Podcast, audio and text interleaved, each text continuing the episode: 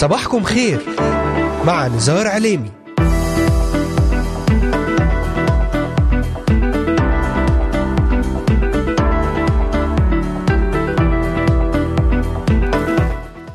أهلا وسهلا بجميع مستمعينا ومستمعاتنا الكرام وبجميع الذين انضموا الآن لبرنامج صباحكم خير.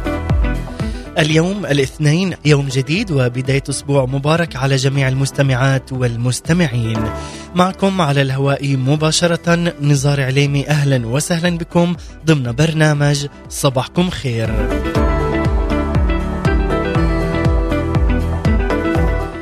أرحب في هذا الصباح الجديد بمستمعينا ومستمعاتنا من الأراضي المقدسة ومن بلدان الشرق الأوسط من سوريا، لبنان، مصر، تركيا، الأردن والعراق، ليبيا، اليمن، السعودية والكويت ومستمعينا من أستراليا، أمريكا، ألمانيا، كندا والذين يتواصلون معنا ويتابعوننا على مختلف منصاتنا الاجتماعية لإذاعة صوت الأمل.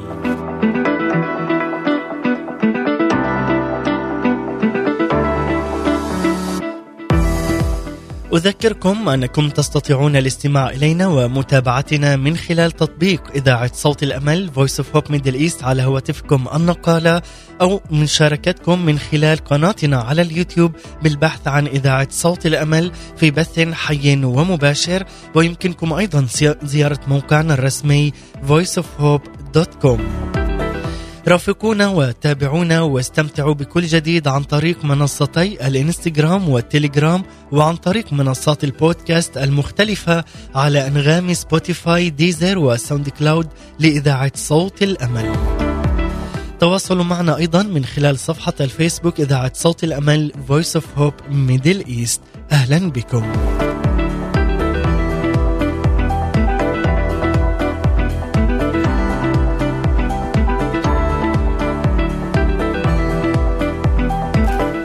نبدأ اليوم بسلسلة جديدة بعنوان من أحد الشعنين إلى الفصح المجيد. احتفلت بالأمس الأحد بأحد الشعنين وهذا اليوم الذي يصادف قبل الدخول إلى أسبوع الألام والمعروف أيضا خلال هذه الفترة ب خميس الأسرار عندما تم غسل الأرجل وقراءة 12 إنجيلا ومن ثم الجمعة العظيمة وهو صلب يسوع المسيح ومن ثم سبت النور وأحد القيامة. سنخصص أحبائي طيلة هذه الفترة للحديث حول أحد الشعنين والصلب والموت والقيامة احتفالا بعيد الفصح المجيد. كل عام وأنتم بألف خير. ورسالتنا لهذا اليوم تتمحور حول معنى أحد الشعنين وإلى ما يرمز هذا اليوم. تابعونا ورافقونا على مدار هذه الساعة الصباحية ولأي سؤال أو استفسار تواصلوا معنا الآن. وللتنويه أحبائي تستطيعون الاستماع والعودة إلى هذه الحلقة وإلى أي حلقة وإلى أي برنامج من إذاعة صوت الأمل من خلال متابعتنا على محرك البحث إذاعة صوت الأمل في تطبيقات أنغامي سبوتيفاي أمازون ميوزك. ستجدون جميع هذه البرامج وخاصة ضمن برنامج صباحكم خير. أهلا وسهلا بكم في هذا الصباح الجديد. صباح مبارك مع رب المجد يسوع المسيح. لنبدأ.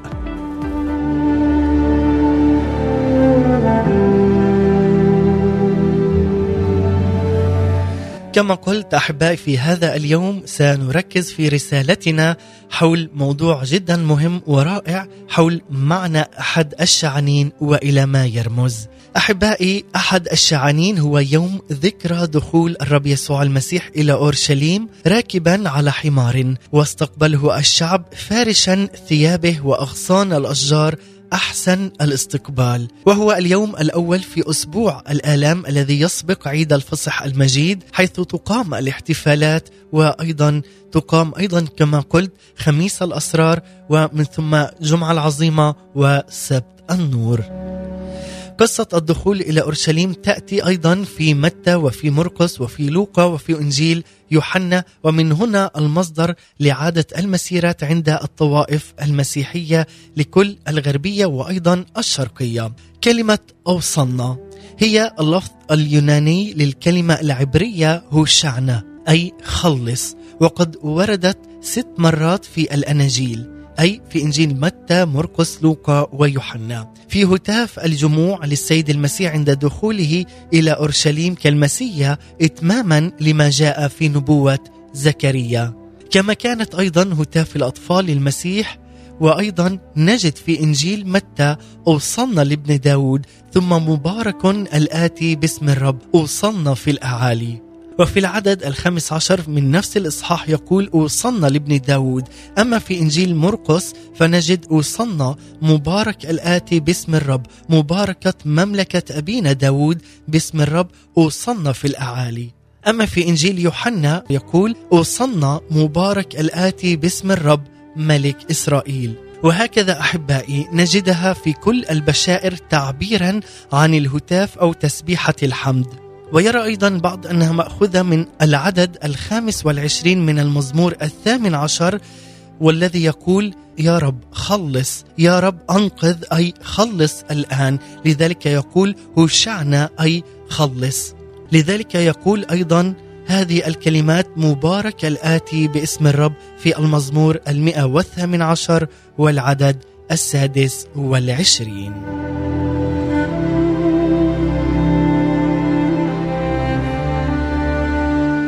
لذلك يذكر أيضا في شرح الكلمة إن كلمة أوصلنا ليست هي اختصارا فقط لعبارة أو ترخيمة لكلمة أوصلنا ولكنها صيغة هي من صيغ الطلب أو التضرع بمعنى خلص. وهنا أحبائي الرب هو الوحيد الذي يخلص. لذلك نقول خلص يا رب شعبك. تعال يا رب وخلص شعبك. هذه العبارة التي أيضا نرددها ونقول مبارك الآتي باسم الرب. لذلك عز المستمع ما أعظم هذا الملك وهو داخل أورشليم. لذلك هو يوم غير عادي مرت به أورشليم. هو يوم تاريخي غير كل المفاهيم. يدخل يسوع وسط موكب وهتاف عظيم مبارك الآتي باسم الرب وصنف في الأعالي. ارتجت المدينة كلها وهتفت بالصوت العالي. ما زال صدى هذا الصرخة وهذه الصرخات تتكرر في هذا اليوم في كل مرة نحتفل بهذه الذكرى المجيدة. لكن هل فعلا فهمنا نحن المغزى الحقيقي منها ومن هذه العبرة ومن هذه الصراخات ملك الملوك ورب الأرباب يدخل المدينة لكن دون أن يمشي أمامه موكب هائل من الجيوش والمركبات. فلم يلبس الزي البهي الثقيل ولم يضع التاج الذهبي المرصع بأفخر الأحجار ولم يدخل بحرب ولم يقد جيشا من الثوار. لا إنه الملك المتواضع. نعم يعرض المشهد هنا تناقضا فالملك مرتبط دائما بمظاهر العظمة والفخامة. لكن عظمة ملك يسوع المسيح وملكه تكمن في أنه هو الملك وهو صاحب البر والعدل والاستقامة. يسوع الذي قال مملكتي ليست من هذا العالم ليس ملكوته ملكوتا ارضيا بل ملكوت سماوي أبدي. لم يأتي لكي ينصب ملكا على دول وشعوب لكن سيدا وربا على القلوب. واذا تأملنا أحباء في هذه القصة المدونة في هذه الآيات نجد دروسا عظيمة لتكون لحياتنا بركة ونجاح وإثمار. الطاعة الفورية لأمر الرب. عندما أرسل يسوع اثنان من تلاميذه ليحلا الجحش والأتان ويأتيان بهما إلى يسوع ذهبا حالا مع أن الطلب كان غريبا وغير منطقي. والنتيجة غير مضمونة فما الذي يضمن لهما بأن أصحاب الجحش سيصدقون كلامهم؟ لكن لا نرى التلميذين يجادلان ويساومان مع يسوع بل مضى المرسلان ووجدا كما قال لهما. لذلك أحيانا يطلب الرب منا أشياء تبدو للوهلة الأولى غير منطقية أو غير مفهومة. أو لا يمكن تنفيذها. ونبدأ نحن بالمجادلة والتذمر. لماذا أنا يا رب؟ ألا يوجد غيري يفعل هذا الأمر؟ هل فعلا سيصدقون كلامي؟ دعني عزيزي المستمع أشجعك في هذا اليوم بأنك عندما تطيع السيد الرب بعمل أمر ما سيعطيك نعمة فوق نعمة. فلقد وجد هذان التلميذان نعمة لدى أصحاب الجحش عندما سألوهما لماذا يحلانه. قال الرب محتاج إليه وأتيا به حالا ليسوع. لذلك أطع أنت السيد الرب مهما بدا ذلك صعبا وغير منطقي. فتختبر بركة وحياة ويبقى لك وفيا.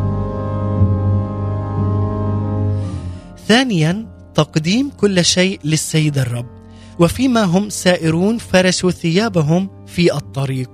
ربما كان عز المستمع هنا من النادر أن يمتلك الشخص أكثر من ثوب في تلك الأيام. لكن هؤلاء الجموع فرشوا ثيابهم ليصنعوا منها سجاده لاستقبال الملك العظيم وهو يسوع المسيح. كأنهم يقولون نعطي كل ما نملك إكراما لك أيها الملك.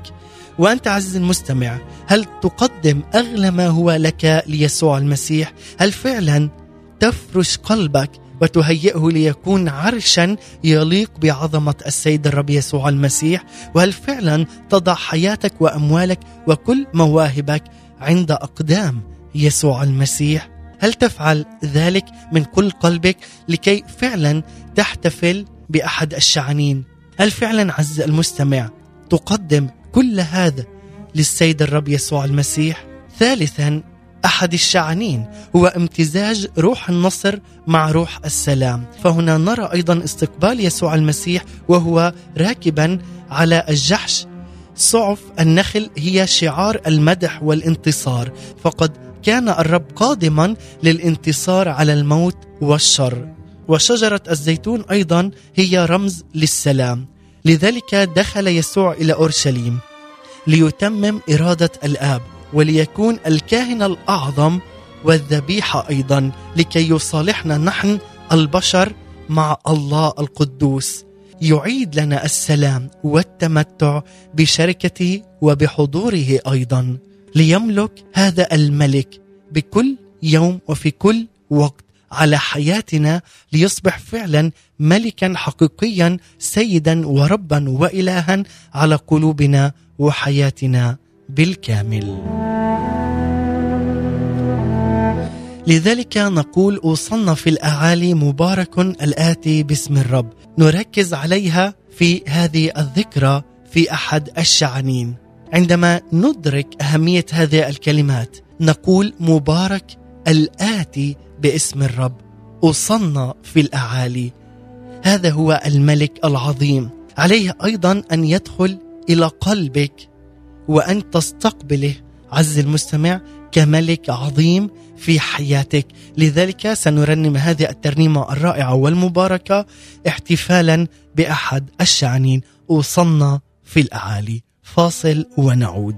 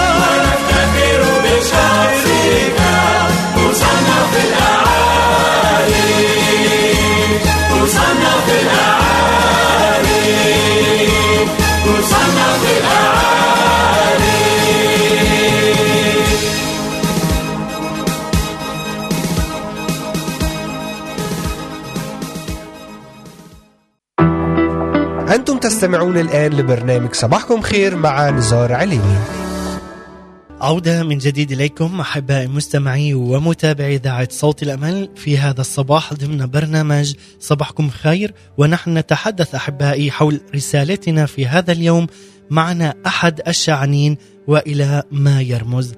فعلا تحدثنا أن أحد الشعنين هو يوم ذكرى دخول السيد الرب يسوع المسيح إلى أورشليم.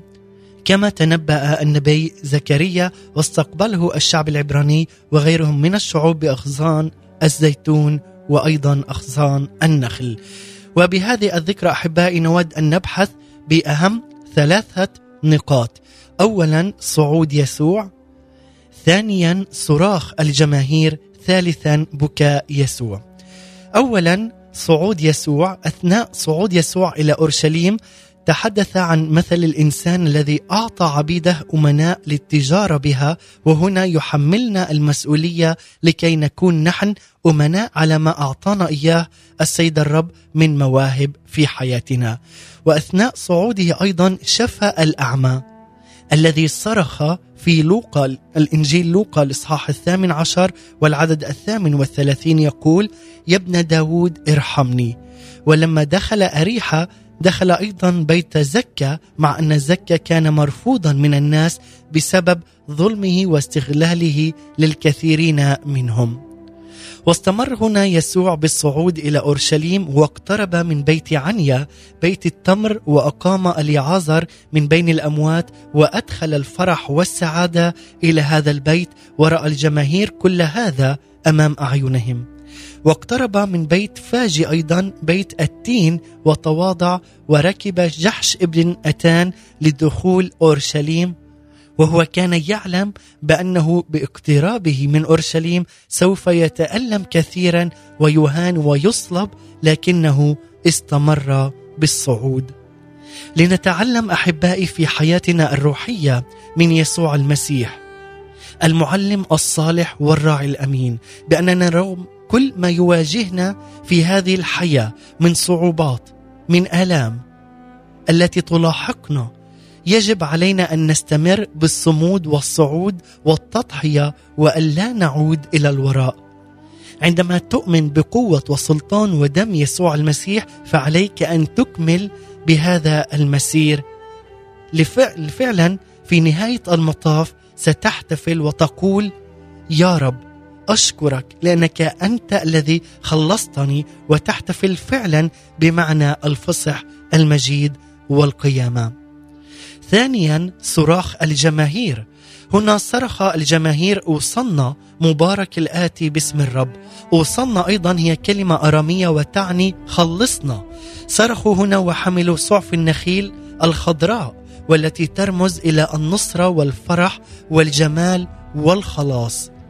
فما رأته هذه الجماهير من أن الأعمى يبصر والخلاص كان في بيت زكا والفرح في بيت اليعازر عندما أقامه الرب يسوع فتحمسوا للملك وصرخوا خلصنا الآن يا يسوع المسيح يا يسوع الناصري. لذلك بعض الفريسيين لم يعجبهم صراخ الشعب وخافوا أن ينصب يسوع ملكا عليهم وأجاب الرب الفريسيين إن سكت هؤلاء فالحجارة تتكلم.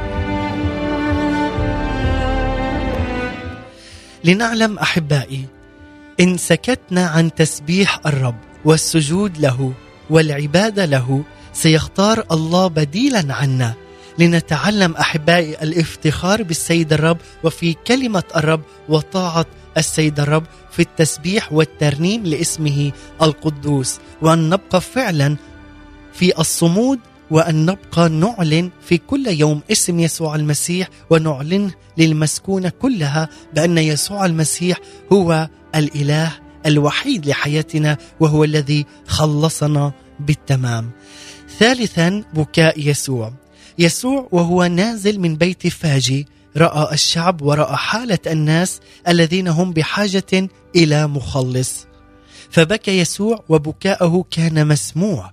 بكى على أورشليم لأنه يعلم ماذا سيحصل بعد عدة سنوات. وبكى على الإنسان الخاطئ البعيد. وبكى على حالة البلاد المقدسة. لذلك هنا كان يعلم يسوع أن مسيرة الصعود ستقوده إلى الصليب. الجماهير صرخت لكنه لم يطع الجماهير بقبول تاجهم الأرضي. بل قبل تاج من شوك ليفدي البشرية كلها لنهتف اليوم للسيد الرب ونقول خلصنا يا ملك الملوك ورب الأرباب لنحمل السعف ولنبتهج فرحا ونصرة. لذلك يقول هللوا سبحوا يا عبيد الرب سبحوا اسم الرب ليكن اسم الرب مباركا من الآن وإلى الأبد.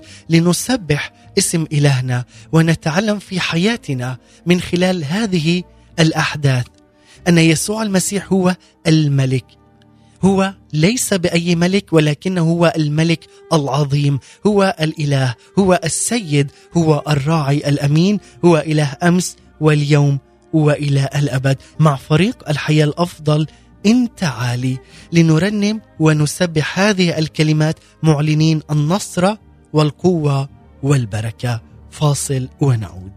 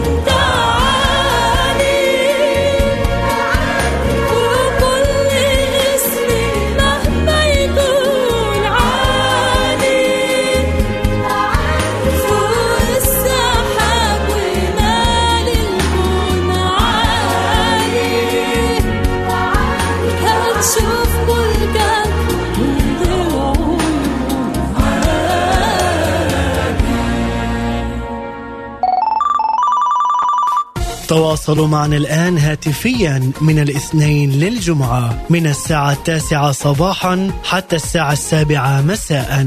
لإرسال رسائلكم الصوتية والاتصال عبر تطبيق واتساب أو فايبر أو سكايب اتصل الآن على هاتف رقم زائد تسعة سبعة اثنين خمسمية وستة سبعمية وتسعة وتسعين 665 مع تحيات طاقم إذاعة صوت الأمل في الأراضي المقدسة.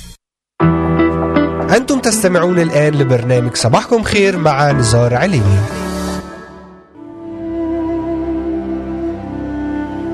عودة من جديد إليكم أحبائي مستمعي ومتابعي إذاعة صوت الأمل. بعد أن استمعنا إلى هذه الترنيمة الرائعة جدا أنت عالي أنت ملك الملوك ورب الأرباب مع فريق الحياة الأفضل.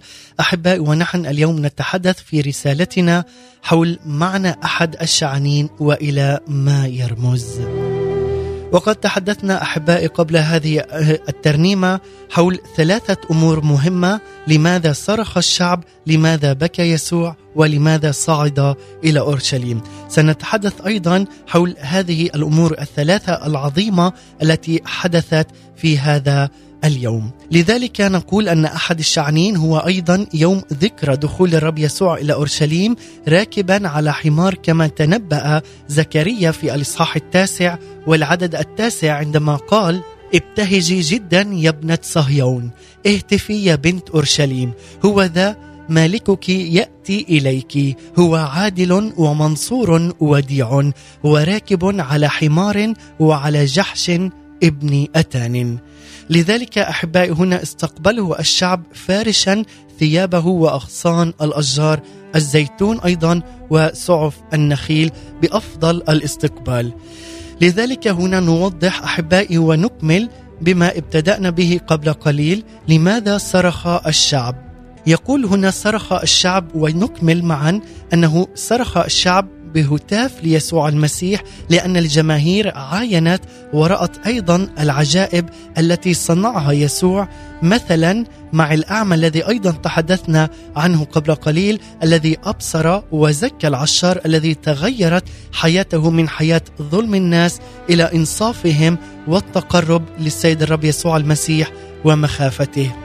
عندها قال يسوع اليوم حصل خلاص لهذا البيت هذا ما جاء في لوقا الإصحاح التاسع عشر والعدد التاسع.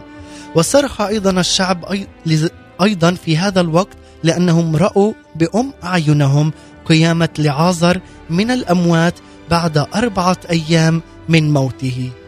لذلك صرخ الشعب أيضا اكراما للملك لأنه الملك الوحيد الذي أحب البشر مضحيا وأصبح هو الحمل الوديع الذي يرفع خطيه العالم.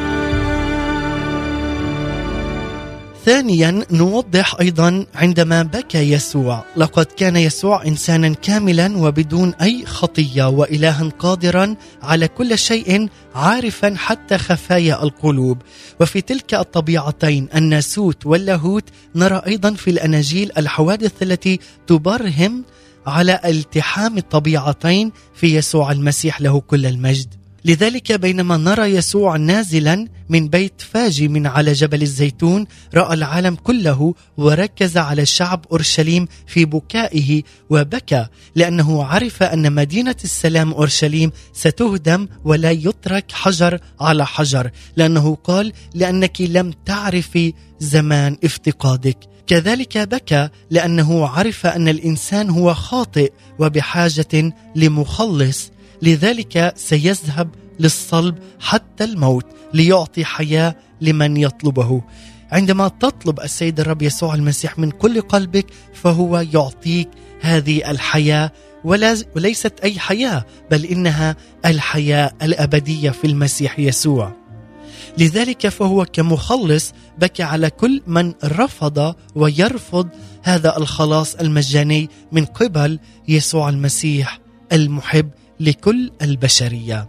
ثالثا وقد تحدثنا أيضا عنه صعود يسوع إلى أورشليم، في الصعود هنا كانت مشقة وتعب وجهد أكثر من النزول، ويسوع هنا عرف أن أسبوعه الأخير مع التلاميذ ويعرف ويعلم كل هذا أن هذا الأسبوع هو الأخير مع التلاميذ. سيكون فيه من يخونه كيهوذا الإسخريوطي.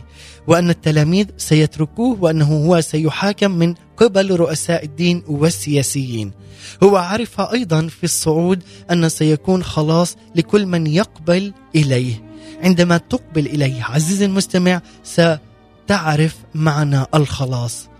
لأنه بعد صلبه وموته وقيامته سيكون اليوم الأول هو يوم مقبول لنيل الخلاص الأبدي والتحرر من قيود الخطية وعبود إبليس والأرواح الشريرة وكل أمر يقيد الإنسان.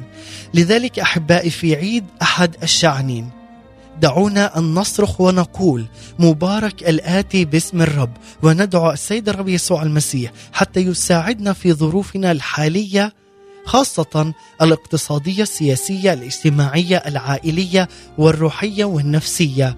وهو الذي يقودنا إلى موكب النصرة في كل حين لكي نتحرر من قيود إبليس ونعرف أن يسوع المسيح هو المخلص الوحيد لحياتنا.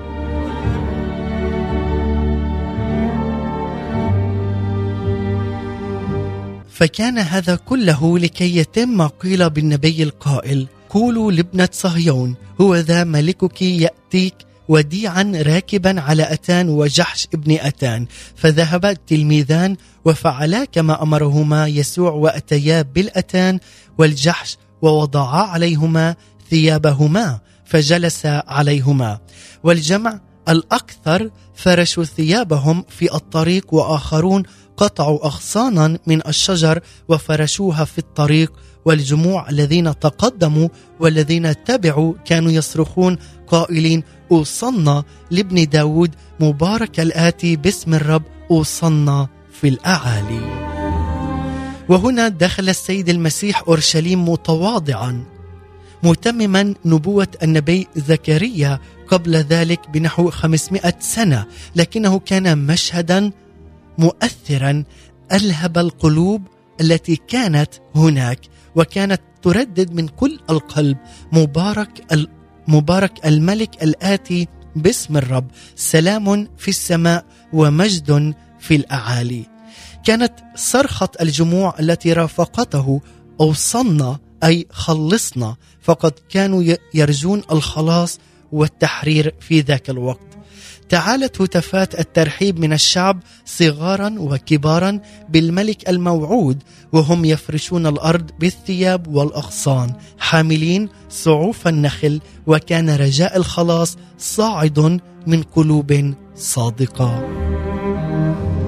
لكن الواقع أحبائي أنهم كانوا يتوقعون خلاصا من نوع آخر ويرجون السلام الأرضي والتحرير من قبضة المحتل الروماني في ذاك الوقت. فخابت آمالهم من ذلك الوديع الذي رأوه ضعيفا لن يحقق آمالهم ولن يوافق مشاريعهم. كان المسيح متجها نحو الصليب ليتمم خلاصنا نحن البشر من الخطية. لكنهم أرادوه ملكا متربعا على عرش سياسي فرفضوه حتى أنه لم تمر سوى أيام معدودة ليقف الجمهور ذاته في مشهد آخر ليصرخ صرخه مدوية أصلبه أصلبه. ذاك الشعب الذي رحب به قائلا له أوصلنا في الأعالي خلصنا. والذين قالوا له أهلا بك أيها الملك. واليوم يقولون له في ذات الصرخة أصلبه أصلبه. سنركز أيضا ونختتم في هذه الكلمات ولكن بعد أن نستمع إلى هذه الترنيمة الرائعة مع المرنمة ميرفت جوزيف أشقر من مدينة البشارة مدينة الناصرة ترنيمة طوبى لبيت الناصرة. ومن ثم نعود.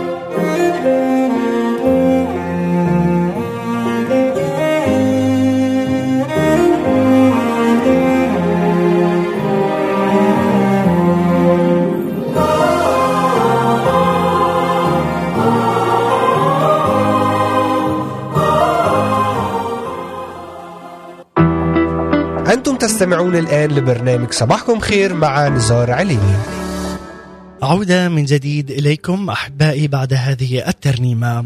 ونكمل أحبائي ونختتم. نقول هنا دخل السيد الرب يسوع المسيح إلى المدينة في أسبوع الفصح لا لمجرد الاشتراك في مراسيم الفصح فقط بل ليقدم نفسه ذبيحة بدلا عني وعنك عز المستمع يقول لنا لأن فصحنا أيضا المسيح قد ذبح لأجلنا فهل أنت فعلا داخل مع المسيح بالإيمان لتعيد هذا الفصح المجيد؟